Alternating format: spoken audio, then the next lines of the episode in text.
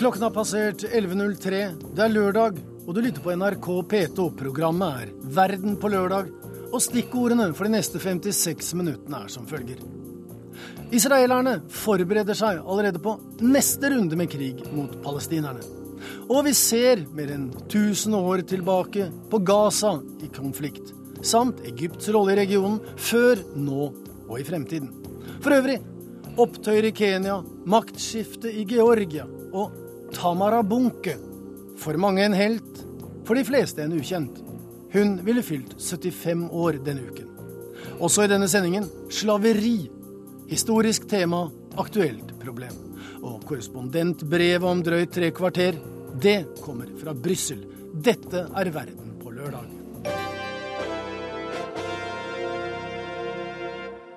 Men vi begynner i Midtøsten, der det har vært nok en krig den siste uken.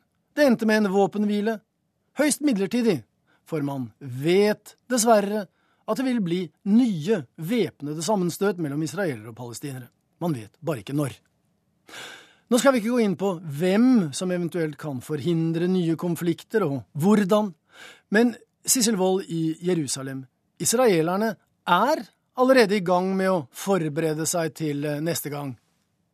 Ja, Det store samtaleemnet her det er jo denne Iron Dome, denne jernkuppelen. Dette systemet med antirakettbatterier som skyter ned rakettene som kommer fra Gaza. Og Iron Dome ble kåret som den store vinneren av denne siste runden mellom Israel og Hamas. Eh, nå står det utplassert eh, fem sånne batterier. Det man snakker om, er at eh, om et par år så må man få 13-15 batterier utplassert, fordi man regner jo med at det kommer en ny runde. Og også er, er, diskusjonen går på om man også skal utplassere noen av disse rakettbatteriene mot Hizbollah, som truer Nord-Israel. Mye av eh, Israels politikk dreier seg jo om eh, Forsvaret.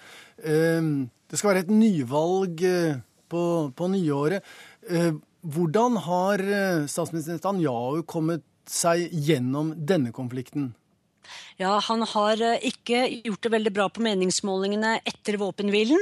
Og man kunne tydelig se på kroppsspråket til Benjamin Netanyahu da han uh, fortalte om at våpenhvilen var inngått, at dette likte han veldig dårlig. Han sa også at det er mange som kommer til å være uenige med meg. Og han sa i går at jeg vet at det er mange som er misfornøyd, og jeg forstår dem, men jeg må lede landet. Men statsminister Netanyahu er ikke den første eh, israelske politikeren fra Likud-partiet som har gjort en omvending. Også Ariel Sharon, som var bosetternes far, han trakk jo ut bosettere fra Gaza og ble veldig, veldig eh, upopulær. Men Netanyahu har ikke hatt noe valg, eh, mener han. Den som har vunnet på meningsmålingene etter denne krigen, det er sjasspartiet, Shas-partiet, det ultraortodokse Shas-partiet, eh, hvis leder Eli Ishai, som også er innenriksminister og visestatsminister, han sa at målet er å bringe Gaza tilbake til middelalderen. Bare på den måten kan Israel få ro de neste 40 årene. Da sier vi takk til deg i eh, Jerusalem, eh, Sissel Wold. Vi skal snakke litt mer om Gaza, et eh, område på 365 kvadratkilometer innerst i Middelhavet.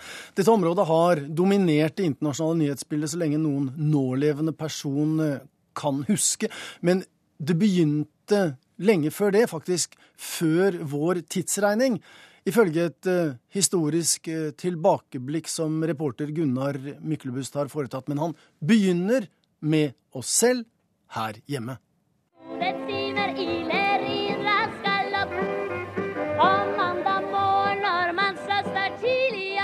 For oss i fedrelandet var Gaza eksotisk spenning, romantikk og sjarme da vi på svart-hvitt-TV-ene midt på 60-tallet fulgte Wenche Myhre til Gaza for å synge for de kjekke fredsbevarende olaguttene, åpne sykehus som norske barn hadde samla inn penger til, og gi oss sine inntrykk på dagliglivet blant kameler og kjortelkledde gamle menn langt der nede i det framande. Alt var liksom så annerledes enn her hjemme, og likevel var det så mye som var likt. Biltrafikken var nok ikke større enn i Oslo, men den bråkte ti ganger verre. Men bak den trivelige 'Slik lever det der'-reportasjen ante vi alt den gangen alvoret rundt Gaza og de historiske dimensjonene. Ni norske soldater mista livet som deltakere i FN-styrken i Gaza, etablert etter Suez-krisa i 1956 som den første verdensorganisasjonen sendte ut på fredsoppdrag.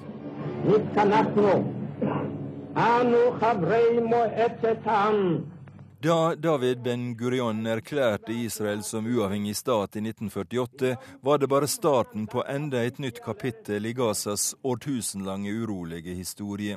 Den vesle kyststripa innst i Middelhavet har vært et attraktivt geografisk objekt for ei rekke herskere gjennom tidene. Fra lenge før vår tidsrekning underlagt både faraoene i Egypt og det gammeltestamentlige Israel, etter hvert asyrisk, babylonsk og persisk styre. Alexander den store kom hit, senere romerne, arabere, ja, sjøl med de kristne korsfarerne fulgte det krig og blodig død. Vår tids Gaza-konflikt starta tidlig i forrige århundre. In the 1920s, as land was being stripped away from local residents, the first clashes between Palestinians and Jews began. Da konflikten mellom jøder og palestinere på Gazastripa ble voldelig første gangen på 1920-tallet, var det med sionismen som bakteppe, sionismen og ønsket om å etablere en jødisk stat i området.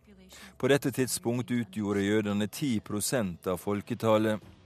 Denne prosenten økte raskt etter hvert som anletet til nazismen sto fram i Europa, og framfor alt da Israel ble etablert i 1948. For Gaza tydde nyordninga fremdeles okkupasjon.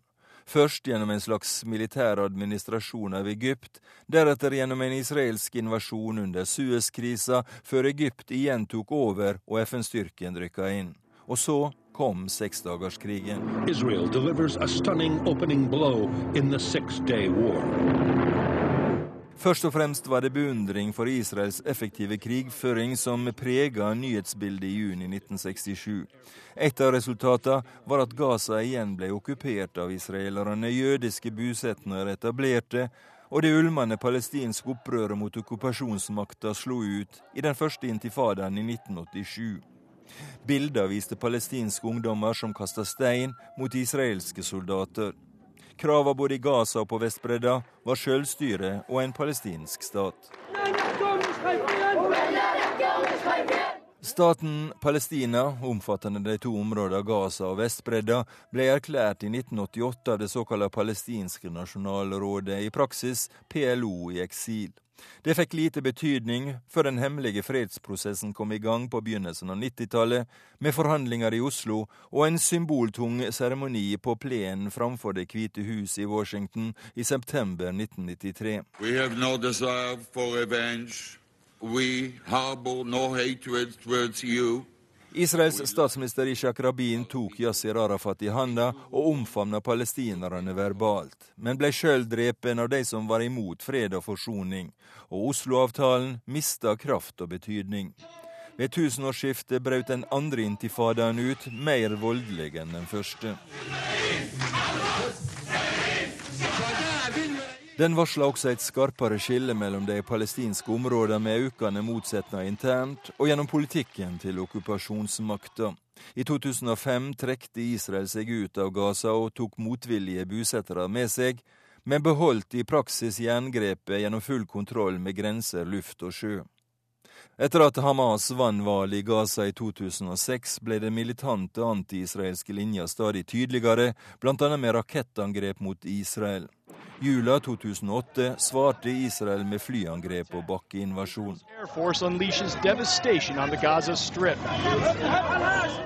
Gaza er blitt et synonym for krig og konflikt. Mange av de 1,7 millioner mennesker der kjenner heller ikke noe annet.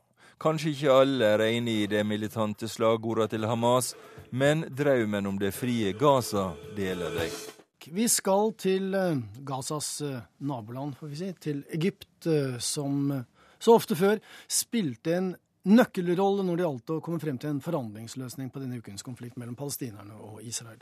Og president Mohammad Morsis popularitet i regionen og internasjonalt for øvrig økte betraktelig. Samtidig så møter han betydelig motstand, som vi nettopp også hørte i nyhetene, på hjemmebane etter at han sparket riksadvokaten og ga seg selv fullmakt til å styre gjennom dekreter denne uka. Allikevel håper nå mange at det nye, mer selvbevisste og uavhengige Egypt skal påta seg rollen som regional stormakt og fredsmegler. For det er flere grunner til at Egypt spilte en ledende rolle denne gangen, sier vår kommentator Gro Holm. For det første har landet en valgt president med et sterkt pro-palestinsk folkeflertall i ryggen. President Morsis røtter i Det muslimske brorskap borget for at ryggmargsrefleksen er støtte til Hamas. Israel kunne ikke lenger regne med den samme lojaliteten som under Mubaraks styre. For det andre var det betydelig usikkerhet både i USA og Israel om hvor mye gamle avtaler om fred og samarbeid ville bety for Morsi når det først spisset seg til. Denne usikkerheten fikk Obama til å ringe den egyptiske presidenten minst seks ganger, også midt på natta, for å forsikre seg om at arbeidet med en våpenhvile var på rett spor. Mohammed Morsi ble selve nøkkelen. For det tredje kunne Morsi spille på at en storkonflikt i Gaza nå ville være særdeles ubeleilig både for den nyss gjenvalgte presidenten i USA og for Israels statsminister, som står på valg i januar. Benjamin Netanyahu må kunne love at sikkerheten ikke forverres i de siste ukene opp mot valget.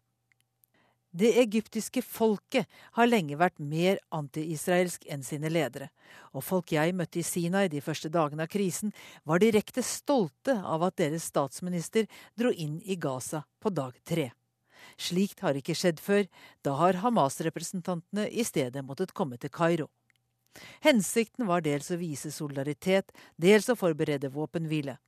For heller ikke med det nye regimet i Egypt kommer det på tale å bidra med våpen til Hamas eller å gripe inn med egyptiske soldater. Nå, som før, er mest mulig fred med naboene i øst det overordnede for Egypts politiske ledelse. Det er mer retorikken enn politikken som er endret i forhold til Gaza og palestinerne, i alle fall så langt. Morsi snakker høyere og tydeligere om støtte til palestinske brødre enn forgjengeren gjorde. Men samtidig fortsetter han, eller folk i hans administrasjon, å snakke med israelerne direkte og via USAs utsendinger.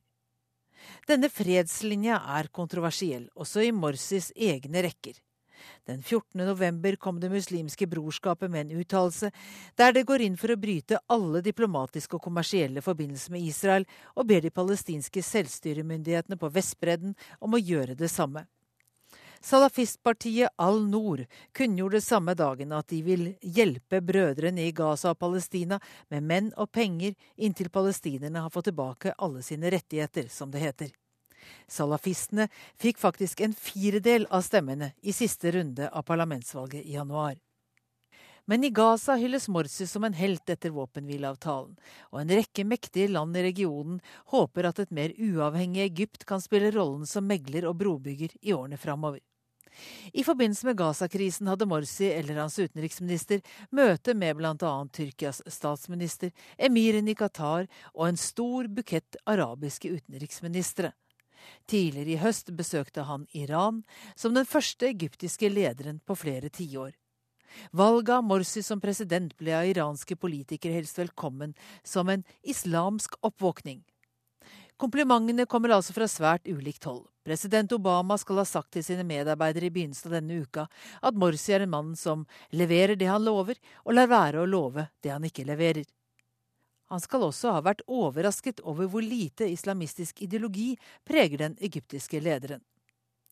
Tidligere i høst forsøkte Morsi å samle politikere fra erkefiendene Iran og Saudi-Arabia pluss Tyrkia til en kvartett for å diskutere mulige løsninger i Syria. Det måtte han gi opp. Saudiene uteble allerede på første møte. Når det gjelder den alvorligste og mest akutte krisen i Midtøsten for øyeblikket, ser det altså ut til at Mohammed Morsi er like avmektig som alle andre.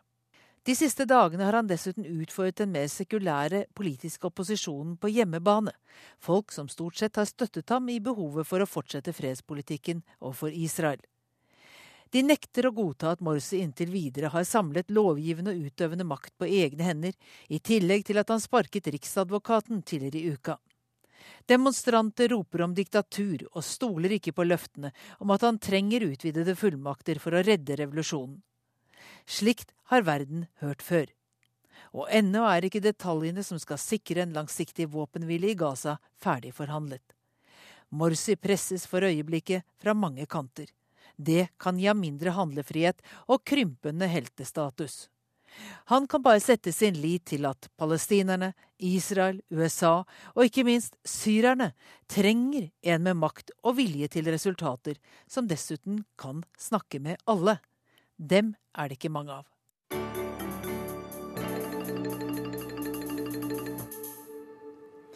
Vi skal til Kenya, som denne uken har vært rammet av alvorlige etniske sammenstøt.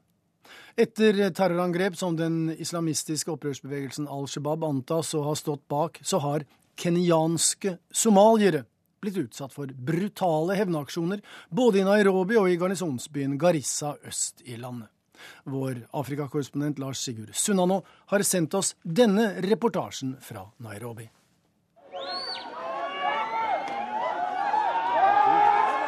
Det har rast gatekamper i Isli her i Nairobi denne uken. Med stein og stokker har afrikanske ungdommer gått løs på kenyanske somaliere og forretningene deres i denne bydelen, som på folkemunne kalles Lille Mogadishu. Somalierne har på sin side forsvart seg med det de har hatt for hånden. Macheter, kniver og skytevåpen, forteller et øyenvitne. Wasomalia wamebeba pangas, visu hata pamoja na bunduki. Urolighetene startet sist søndag, da en buss på vei gjennom Isli ble sprengt i lufta. Ti av passasjerene ble drept og 20 såret i terroraksjonen, som den islamistiske opprørsbevegelsen Al Shabaab i Somalia mistenkes for å ha stått bak. Etter det har frykten spredt seg blant de rundt 200 000 somaliske kenyanerne, som holder til i dette vibrerende og rike forretningssamfunnet i Nairobi, der de har drevet handel med hele Øst-Afrika i generasjoner. Every Somali here, we Kenyans. Me, I have been born in Kenya. I'm a Kenyan citizen. But then, if today I walk without my hijab, yeah, they will say I'm a terrorist. I mean, I'm a tattoo, and then everyone looks at me as if I'm carrying some kind of. Alle somalierne her er kenyanere, sier Fatima Ali. Jeg er født i Kenya, jeg er en kenyansk statsborger. Men går jeg rundt med min hijab, sier folk her at jeg er terrorist. Tar jeg en minibuss, stirrer alle på meg for å se om jeg har med meg en bombe. Det er ille, og regjeringen må gjøre noe med det, sier hun. Kenyansk politi og sikkerhetsstyrker har hittil klart å få stanset gatekampene i Isli etter hvert som de har brutt ut. Ingen er drept, men mange er såret på begge sider i opptøyene. Og det er foretatt en lang rekke arrestasjoner. Men den etniske konflikten som har blusset opp, kan lett komme ut av kontroll. Det er svært spent i Isli, sier Farah Malin, som vi møter i parlamentet i Nairobi, der han er folkevalgt og deputy speaker, visepresident. Very high, very high tension, state of tensions. In the case of Isli, it is seen no more as a desire by some other Kenyans to help themselves to what they feel is the affluency of the Somalis in Isli. Svært, svært spent, sier Farah Malim om situasjonen. I Sli er det enkelte kenyanere som gjerne vil forsyne seg av det de oppfatter som somaliernes rikdom. Når så denne hendelsen inntreffer, benytter røvere og kriminelle seg av den. Vi skal takke Gud for at det somaliske samfunnet så raskt rakk å organisere seg og beskytte eiendom, kvinner og barn, sier han. Men det er ikke bare i Sli det har vært opptøyer. Etter at tre kenyanske soldater ble skutt og drept av ukjente gjerningsmenn i Garissa øst i Kenya tidligere denne uken, skal en hel hæravdeling ifølge Farah Malim ha gått amok og plyndret somaliskeide salgsboder, forretninger og kontorer på det største markedet i garnisonsbyen. Flere innbyggere ble drept, mange såret og kvinner voldtatt. Markedet ble deretter satt i brann. Talsmenn for den kenyanske hæren tilbakeviser denne fremstillingen noe som ikke overrasker visepresidenten i parlamentet. We do not have any faith in this system here. So we are felt left with no option other than because this is a war crime. Army cannot go there and uh, rob and rape and, and, and kill and pillage and injure its own civilians. Vi har ingen tillit til systemet her, sier han. Så vi har ikke noe annet valg, for dette er en krigsforbrytelse. Hæren kan ikke gå der og plyndre, voldta og drepe egne borgere. Så vi kommer til å be om internasjonal hjelp. Bringe det som er skjedd, inn for den internasjonale straffedomstolen i Haag, sier han.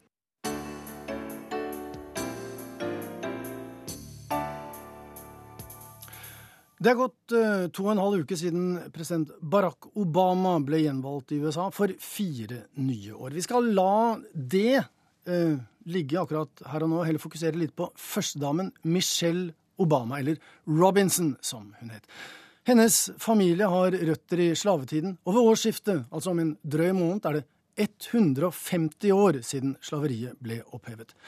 USA var i krig og landet i full oppløsning. Sør sto mot nord. Plantasjeøkonomi i sør med behov i anførselstegn for slaver, mot et uh, gryende industrisamfunn i nord med lønnsarbeidere. Slaveriet var på vikende front uh, i Europa og i nordstatene, og slaveriet ble til slutt også avskaffet i USA ved Abraham Lincolns Emancipation Proclamation. that on the first day of January, AD 1863, all persons held as slaves within any state or designated part of a state, the people whereof shall then be in rebellion against the United States, shall be then, thenceforward and forever, free. Det må innrømmes at uh, dette ikke akkurat var et opptak fra 150 år tilbake, men det er altså denne kunngjøringen som er aktuell nå. Og det samme er Steven Spielbergs film 'Abraham Lincoln' med Danny Day-Lewis i tittelrollen. Den hadde premiere i USA sist helg, og den kom på norske kinoer på nyåret. Den fokuserer på nettopp kampen mot slaveriet. We here highly resolve that these dead shall not have died in vain. That this nation under God shall have a new birth of freedom. That government of the people, by the people, for the people shall not perish from the earth. Men slaveriet var bare symptomet på de indre motsetningene i USA. Det borgerkrigen egentlig sto om, var selve samholdet, om hvorvidt unionen, altså De forente stater, fortsatt skulle være en udelelig enhet, eller om den skulle splittes i to. This fight is for the United.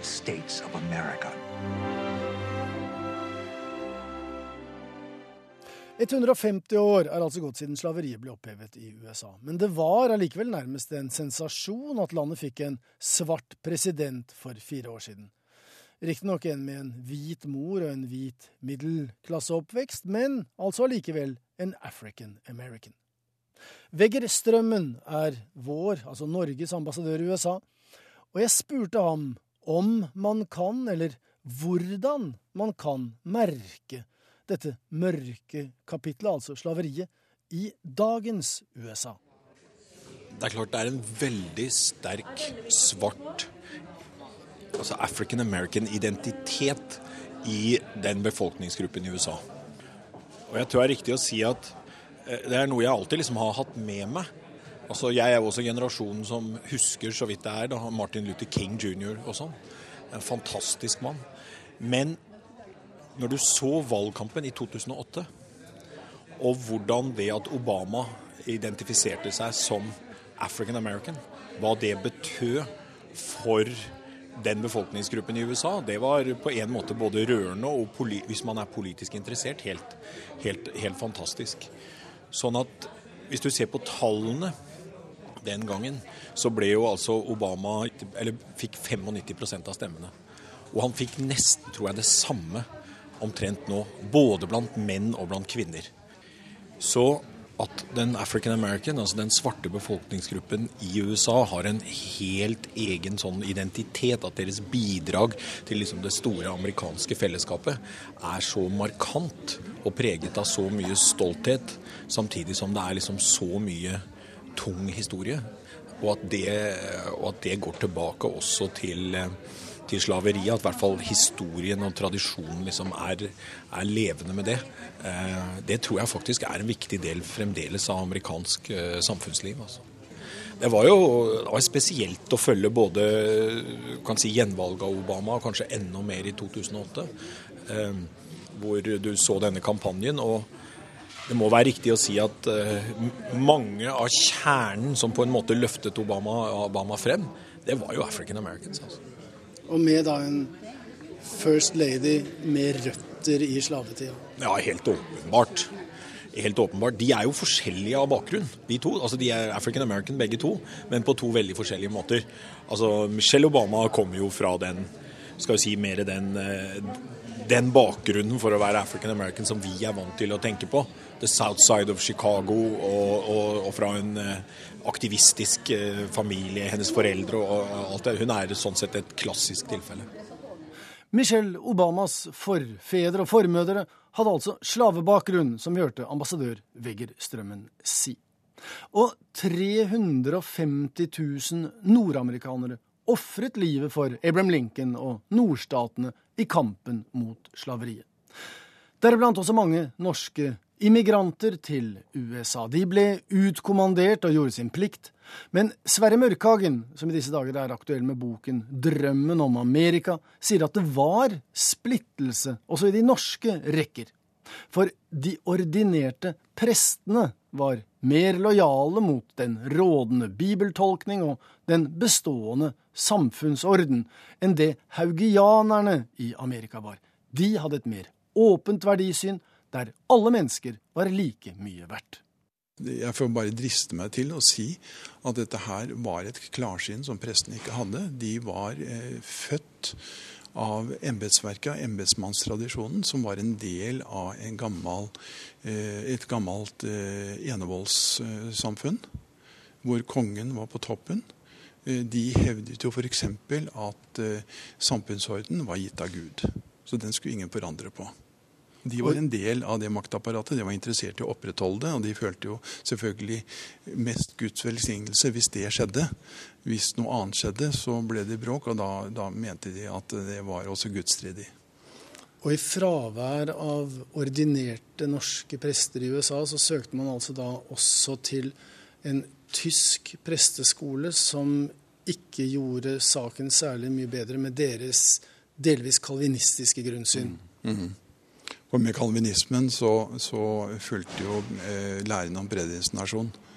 Eh, og da eh, eh lærer du at eh, alle er født inn i hver sin rolle eh, som en Guds bestemmelse.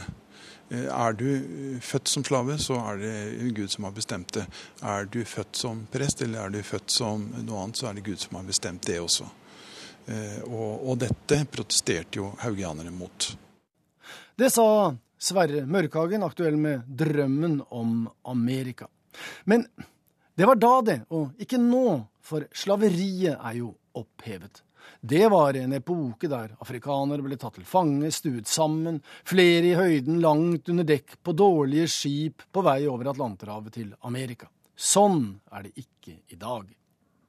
Og det er stortingsrepresentant Geir Jørgen Bekkevold fra Kristelig Folkeparti enig i.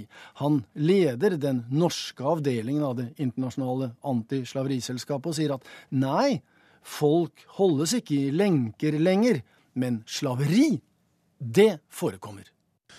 Du har helt rett i at uh, altså, disse båtene finnes ikke lenger. Folk går rundt med en oppfatning at slaveriet det var noe som opphørte for 150 år siden. Men vi ser jo at det ikke er tilfellet. Menneskehandel det er eh, vår tids slaveri. Og det er en kjempeutfordring. Og det er en stor industri. Den har gått forbi narkotikaindustrien. FN anslår at um, bakmenn uh, som benytter seg av mennesker, en, altså de, de, tjener mellom 5 og 7 milliarder dollar i året på dette her. Eh, og da snakker vi om mennesker som lever som slaver i dag. Enten i sexindustri, i narkotikaindustri. Eh, mange områder hvor mennesker holder nærmest som slave. Så menneskehandel, det er vår tids slaveri.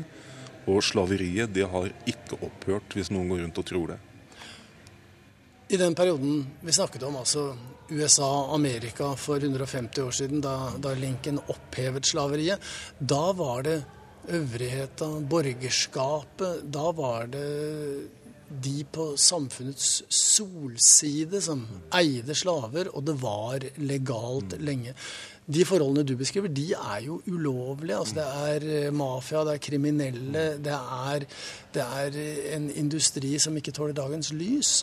Likevel så parallellfører du disse to.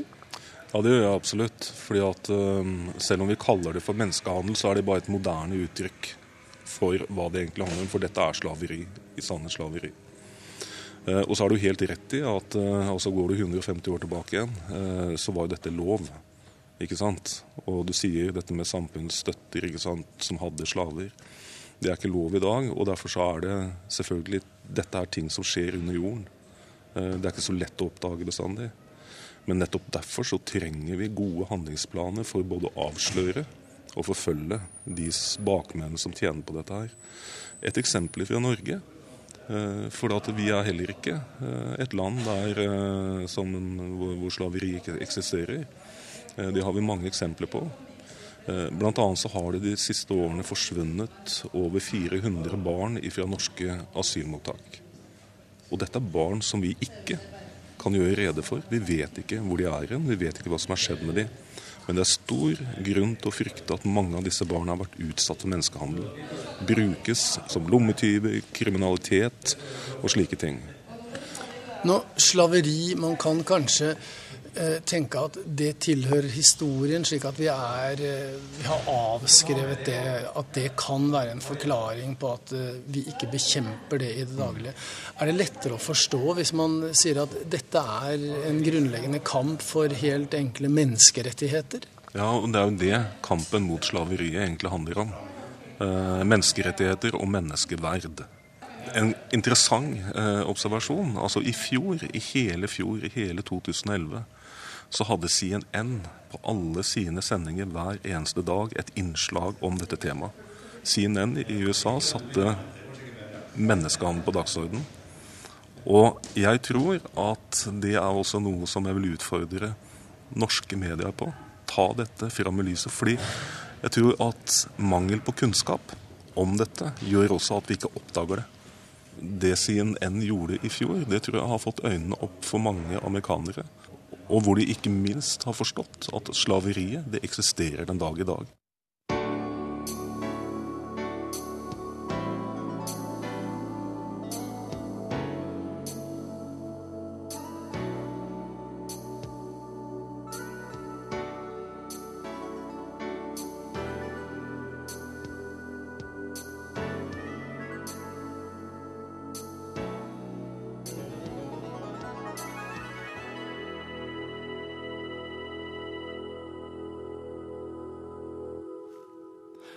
Denne uken vil hun ha fylt 75 år, men hun ga sitt liv for saken hun trodde på for snart et halvt århundre siden. Vi snakker om den argentinskfødte Heidi Tamara Bunke Bieder. Hun hadde tyske foreldre og ble en legende i det tidligere DDR. Mer enn 200 skoler og barnehager i det tidligere Øst-Tyskland var oppkalt etter kvinnen som ble sett på som en sann forkjemper for sosialismens edleste idealer.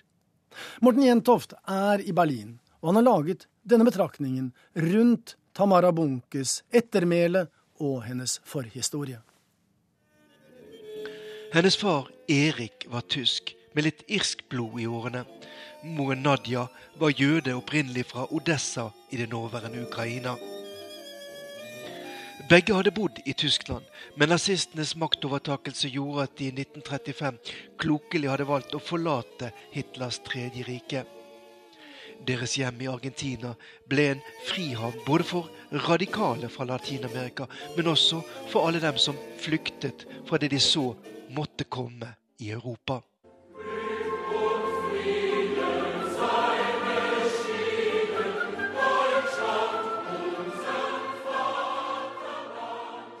Men i 1949 ble den tyske demokratiske republikk DDR opprettet i den delen av Tyskland som var okkupert av Sovjetunionen. og foreldrene til Tamara Bunke, som hun fremdeles offisielt het, dro tilbake til hjemlandet for å være med og bygge opp sosialismen. For Tamara var det en tøff overgang. Hun snakket bedre spansk enn tysk, og forholdet i den sosialistiske mønsterstaten var nok ikke alltid helt slik som hun hadde tenkt seg. Men med sine språkkunnskaper ble Tamara Bunkerast en svært nyttig person for alle de latinamerikanske ungdommene som kom til Øst-Tyskland for å studere. Og dokumenter som nå er offentliggjort, viser at hun allerede i 1959 ble en såkalt inoffisielle midtarbeider for Departementet for statssikkerhet i Øst-Tyskland. La representación Cuba ante esta asamblea se complace en cumplir en primer término men i 1960 traff Tamara Bunke Che Guevara, mannen som sammen med Fidel Castro var blitt selve symbolet på revolusjonen på Cuba. Che Guevara var kommet til Øst-Tyskland i kraft av stillingen som direktør for den cubanske nasjonalbanken. Tamara Bunke var tolk for delegasjonen han ledet. Kontrasten mellom de ofte grå østtyske kommunistiske partifunksjonærene og den langhårede og skjeggede, sigarrøykende, grønnkledde revolusjonære fra Cuba må ha vært slående for den 23 år gamle Tamara Bunke. I tillegg var jo dette på mange måter et møte med en landsmann. Den da 32 år gamle Che Guevara var også født og oppvokst i Argentina.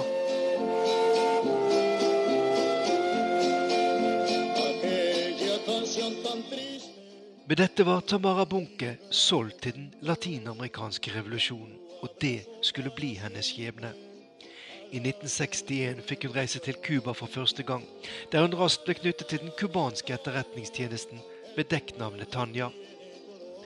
I november 1964 fikk hun igjen møte sitt store forbilde Che Guevara, og han hadde en klar oppgave til henne.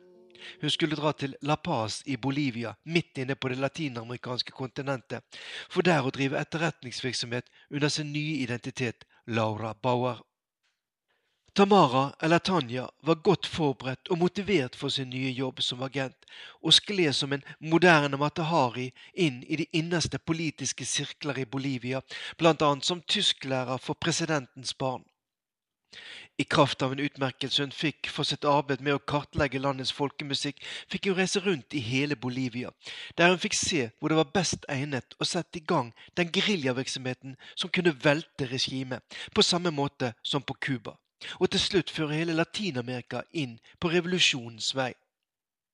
Og snart var hennes store helt Che Guevara også på vei inn i den bolivianske jungelen for å lede en ny revolusjon, ti år etter at han sammen med Fidel Castro satte i gang den cubanske. Tamara, Tanja eller Laura hadde ennå ikke fylt 30 år, og kanskje var det litt i ungdommelig overmot hun, etter å ha brakt to geriljasympatisører fram til den lille gruppen av opprørere Che Guevara ledet, valgte å bli i leiren hans lenger enn tenkt, og lot jeepen sin stå igjen, med en notisbok med mange telefonnumre og navnene på kontaktpersoner. Laura Baura ble avslørt. De bolivianske regjeringssoldatene, hjulpet av agenter fra den amerikanske etterretningstjenesten CIA, var i ferd med å snøre nettet om hele den lille opprørsgruppen. Slutten ble tragisk og brutal, både for Tanja Bunke og hennes helt Che Guevara.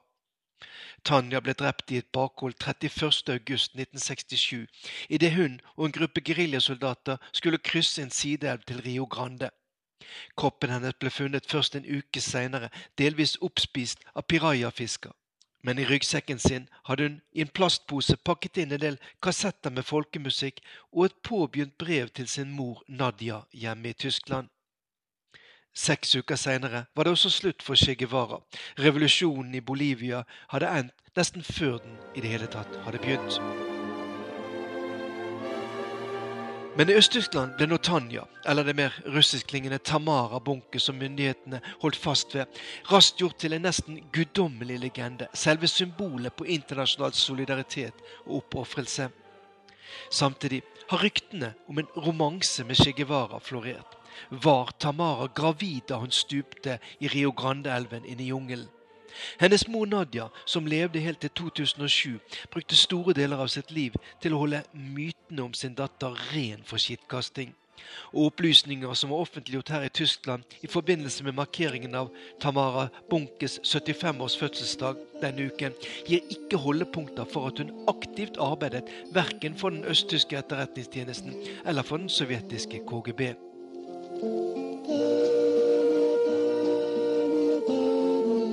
Om et slikt liv er det ikke unaturlig at Tamara Tanja Bunke har vært opphavet til både sanger og flere bøker. Ikke lite for en kvinne som rakk å bli knapt 30 år gammel.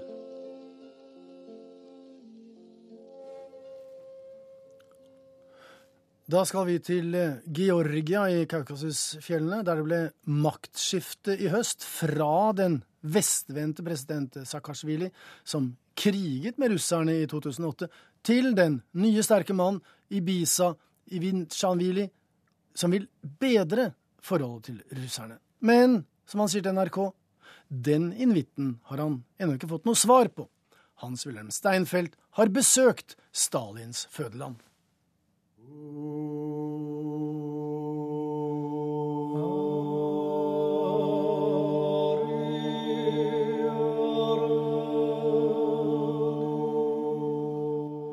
Sangen Oravela drar oss til topps av de georgiske høyfjell i Kaukasusfjellkjeden, hvor snøhetten på fjellet Kazbek på 5300 meter akkurat på grensen mot Russland i nord skinner som en diamant i formiddagssolen.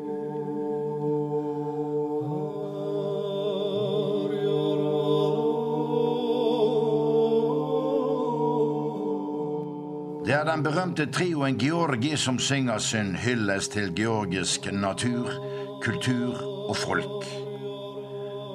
Georgia, som en gang ble kalt for den bløte buk under det russiske imperiet, sliter i dag med sin stolthet etter det militære nederlag mot Russland under den korte krigen i august 2008. Krigerfolket, eller David her sør for Russland, åpnet ild mot Goliat i nord, i strid over landskapene langsmed grensen mellom de to land, og det gikk som det måtte gå.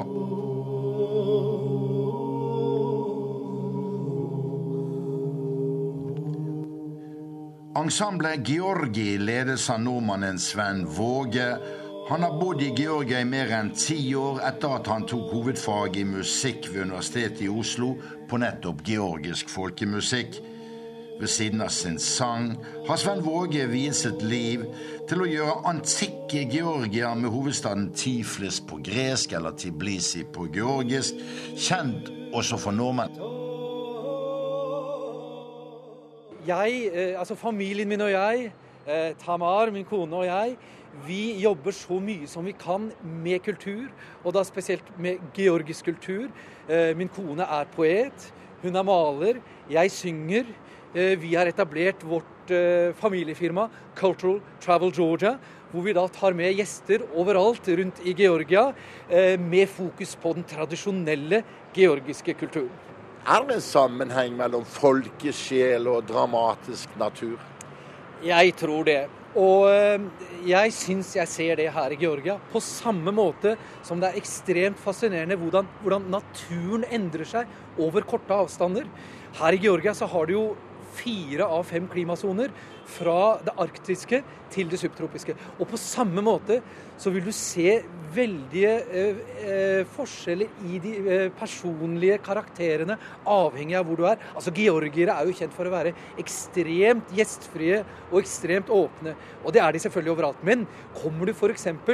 opp til fjellområdene, opp mot Stepansminda, så vil du samtidig se at folkene de er preget av den tøffe hverdagen, de er preget av naturen, og de er preget på en måte av det som naturen krever fra dem for at de skal kunne overleve. Bonden Kate Avjasjvili i landsbyen Snå er en av de som overlever under det snøhøye Kasbekfjellet rett sør for grensen mot Russland. Han og naboene var vant til å levere avlingen i den russiske byen Vladikavkaz 30-40 km unna, og Aviashvili sier dette om det dårlige forholdet til Russland.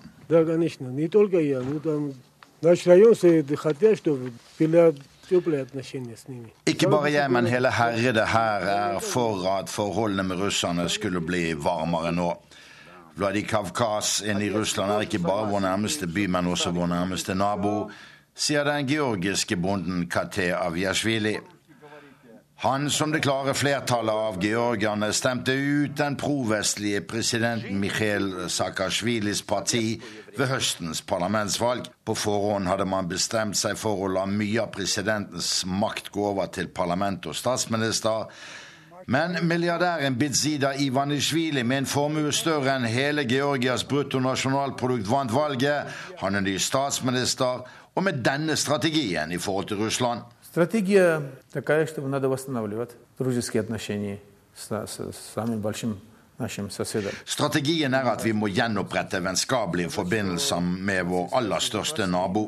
Dette må vi få til, men å si at vi har god tid eller at noe særlig har vært gjort for å forberede dette, er feil, sier statsministeren i Georgia til NRK på sitt kontor i Tiblisi, og han legger til at ingenting er gjort for å bedre dette forholdet etter krigen for fire år siden. От них пока нет соответствующего ответа. Russerne har ikke svar på våre følere, men jeg tror nok at de setter seg ned og analyserer situasjonen. Så får de konkrete skritt komme etter hvert, sier Georgias nye statsminister Ibiza Ivanishvili pragmatisk til NRK. Men Georgias geopolitiske situasjon er vanskelig også økonomisk, her mellom øst og vest, og med grenser i sør til stater som Iran og Tyrkia, like nord for Syria og Midtøsten-konflikten. Da har vi kommet til ukens eh, korrespondentbrev, der eh, Brussel-korrespondent eh, Hegemo Eriksen tar oss med til et turbulent Spania, nærmere bestemt Spanias rikeste region, Catalonia. Der satser de alt på å løsrive seg fra det kriserammede spanske monarkiet. Jeg går bortover en langstrakt gang med stålbjelker i taket og skinnende fliser på gulvet. Med en velkjent durende lyd dras rullebåndet i gang, og jeg hopper på. Brussel flyplass er mitt andre hjem, og jeg kjenner den bedre enn mitt eget nabolag, hver krik og krok og hver snarvei som tar deg fortere frem. Det finnes knapt en flyplass i Europa hvor gangene er så uendelig lange som i Brussel. I enden av gangen står min belgiske fotograf Bert med et trøtt fjes. Vi skal til Barcelona og dekke valget i Catalonia. Men Bert har fått magesjau, dattera har bronkitt. Likevel hangler han seg av gårde, akkurat som meg. En gammel influensa sitter fortsatt igjen i kroppen, det føles som om jeg ikke har sovet på en måned. De siste fire ukene, for ikke å snakke om de siste to årene, har vært en runddans mellom Madrid, Paris, Brussel, Aten, tilbake til Brussel og nå Barcelona. Det er en reise i krise i et Europa i sterk endring. Jeg ser hvordan fattigdommen brer om seg, hvordan fortvilelsen har hugget tak i mange folks liv, i deres hverdag. Det er oppbruddstid i Europa, og det er mye som slår sprekker, også nasjonalstatene. I nattemørket lander vi i Barcelona, hovedstaden i Spanias rikeste region, Catalonia. For bare to måneder siden kunne ingen ha spådd hva som skulle komme til å skje her. For bare to måneder siden var alt ved det vante i katalansk politikk, men på grasrota ulmet det og hadde gjort det lenge. Fra Pyreneene i nord til strendene ved Middelhavet i sør, i landsby etter landsby, hadde misnøyen vokst i folk. Følelsen av å være annerledes, av å bli sett ned på, av å bli urettferdig behandlet. Følelsen av å være katalansk og ikke spansk, av ikke å høre til i det spanske monarkiet. Og ikke minst en følelse av å betale størsteparten av regninga til statskassen i Madrid uten å få noe særlig igjen. I by etter by samlet folk seg i små lokale grupper, og til slutt vokste de sammen i en stor grasrotbevegelse. De ville bryte ut av Spania, de ville ha en egen stat, et fritt og selvstendig Catalonia. Det er ikke så rent få som vil løsrive seg for tiden. Flandern fra Belgia, Baskeland fra Spania, Syd-Tirol fra Italia og Skottland fra Storbritannia, for å nevne noen. Og det dreier seg ikke bare om å dyrke sin egen identitet innenfor rammen av en egen stat og en vilje til å bevare egen kultur og eget språk.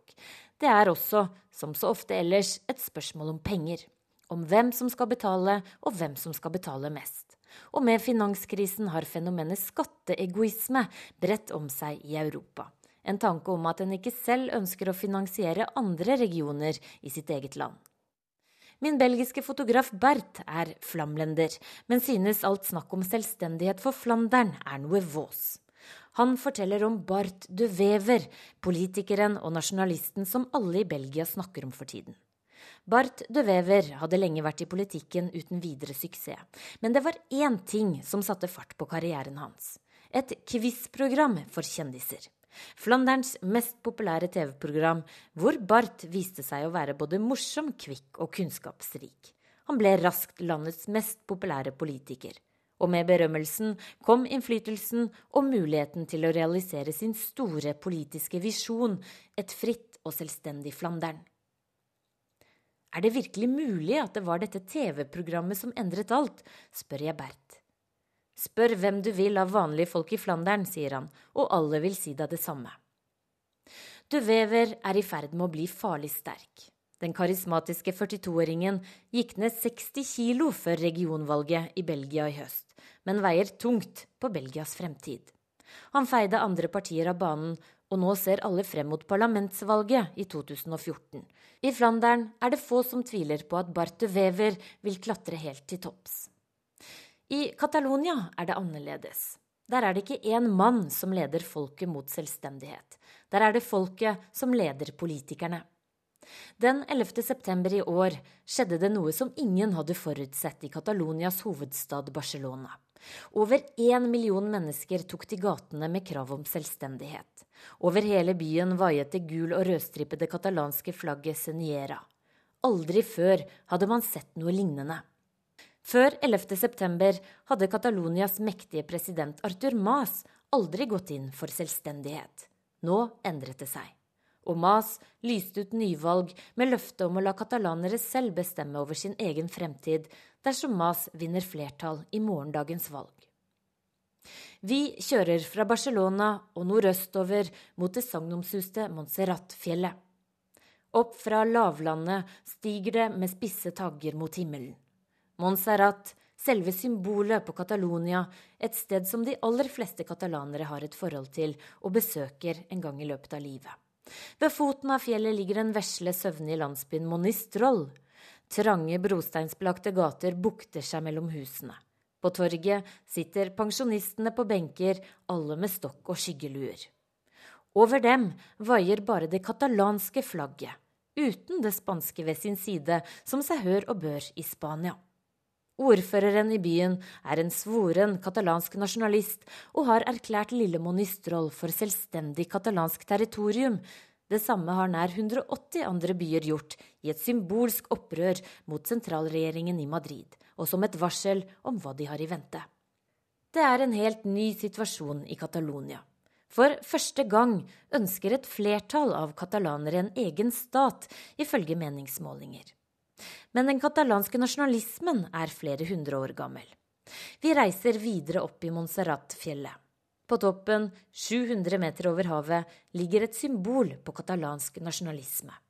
Klosteret i Montserrat ble grunnlagt i 888 og er blitt et viktig senter for katalansk språk og kultur.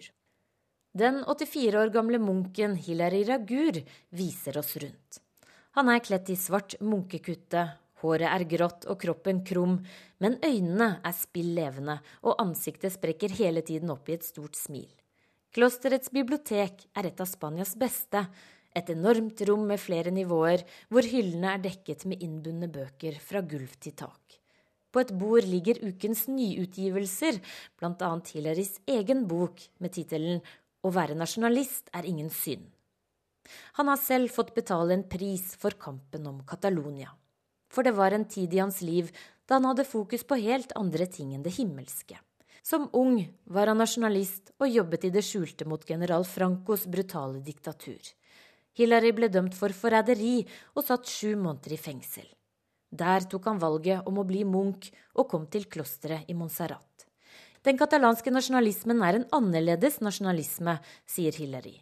Den er humanistisk og mer fredelig enn det som har vært situasjonen i Baskeland, der førte ETA sin blodige kamp gjennom flere tiår.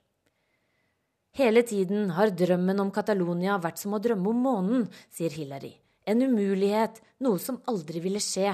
Nå ser vi plutselig at det er innen rekkevidde, smiler han. Jeg er 84 år og for meg vil det kanskje være for sent. Men du som er ung, vil sikkert få se dannelsen av en katalansk stat, sier han og ler hjertelig. Avsenderen av dette korrespondentbrevet var altså europakorrespondent Hege Mo Eriksen. Og da går denne sendingen uavlatelig mot slutten. Vi minner som vanlig om den nedkortede versjonen av Verden på lørdag med korrespondentbrev, som går klokken 16.40 her i kanalen. Ellers så kan man gjøre som stadig flere finner praktisk, nemlig laste ned sendingen og høre den på det tidspunkt som passer den enkelte best. Vi innledet denne sendingen i og fra Midtøsten og avslutter med noen dagsaktuelle nyhetsglimt eh, derfra. Eh, på tirsdag, altså om tre dager, vil de jordiske levningene etter Yasser Arafat bli undersøkt for å fastslå om han led en naturlig død, eller om han ble forgiftet. Graven åpnes samme dag, og de medisinske prøvene skal tas umiddelbart av eksperter fra andre land som Sveits og Russland. Bakgrunnen er påstander om at Israel tok livet av den legendariske palestinske lederen med polonium i 2004. Det samme stoffet som drepte den russiske dissidenten Litvinenko i London to år senere.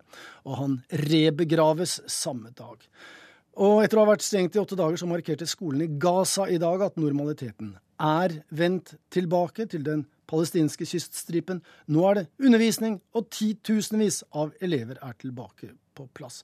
Mens vi da kan melde fra Syria at der skal statlige styrker, ifølge da aktivister, ha bombet skoler utenfor Damaskus.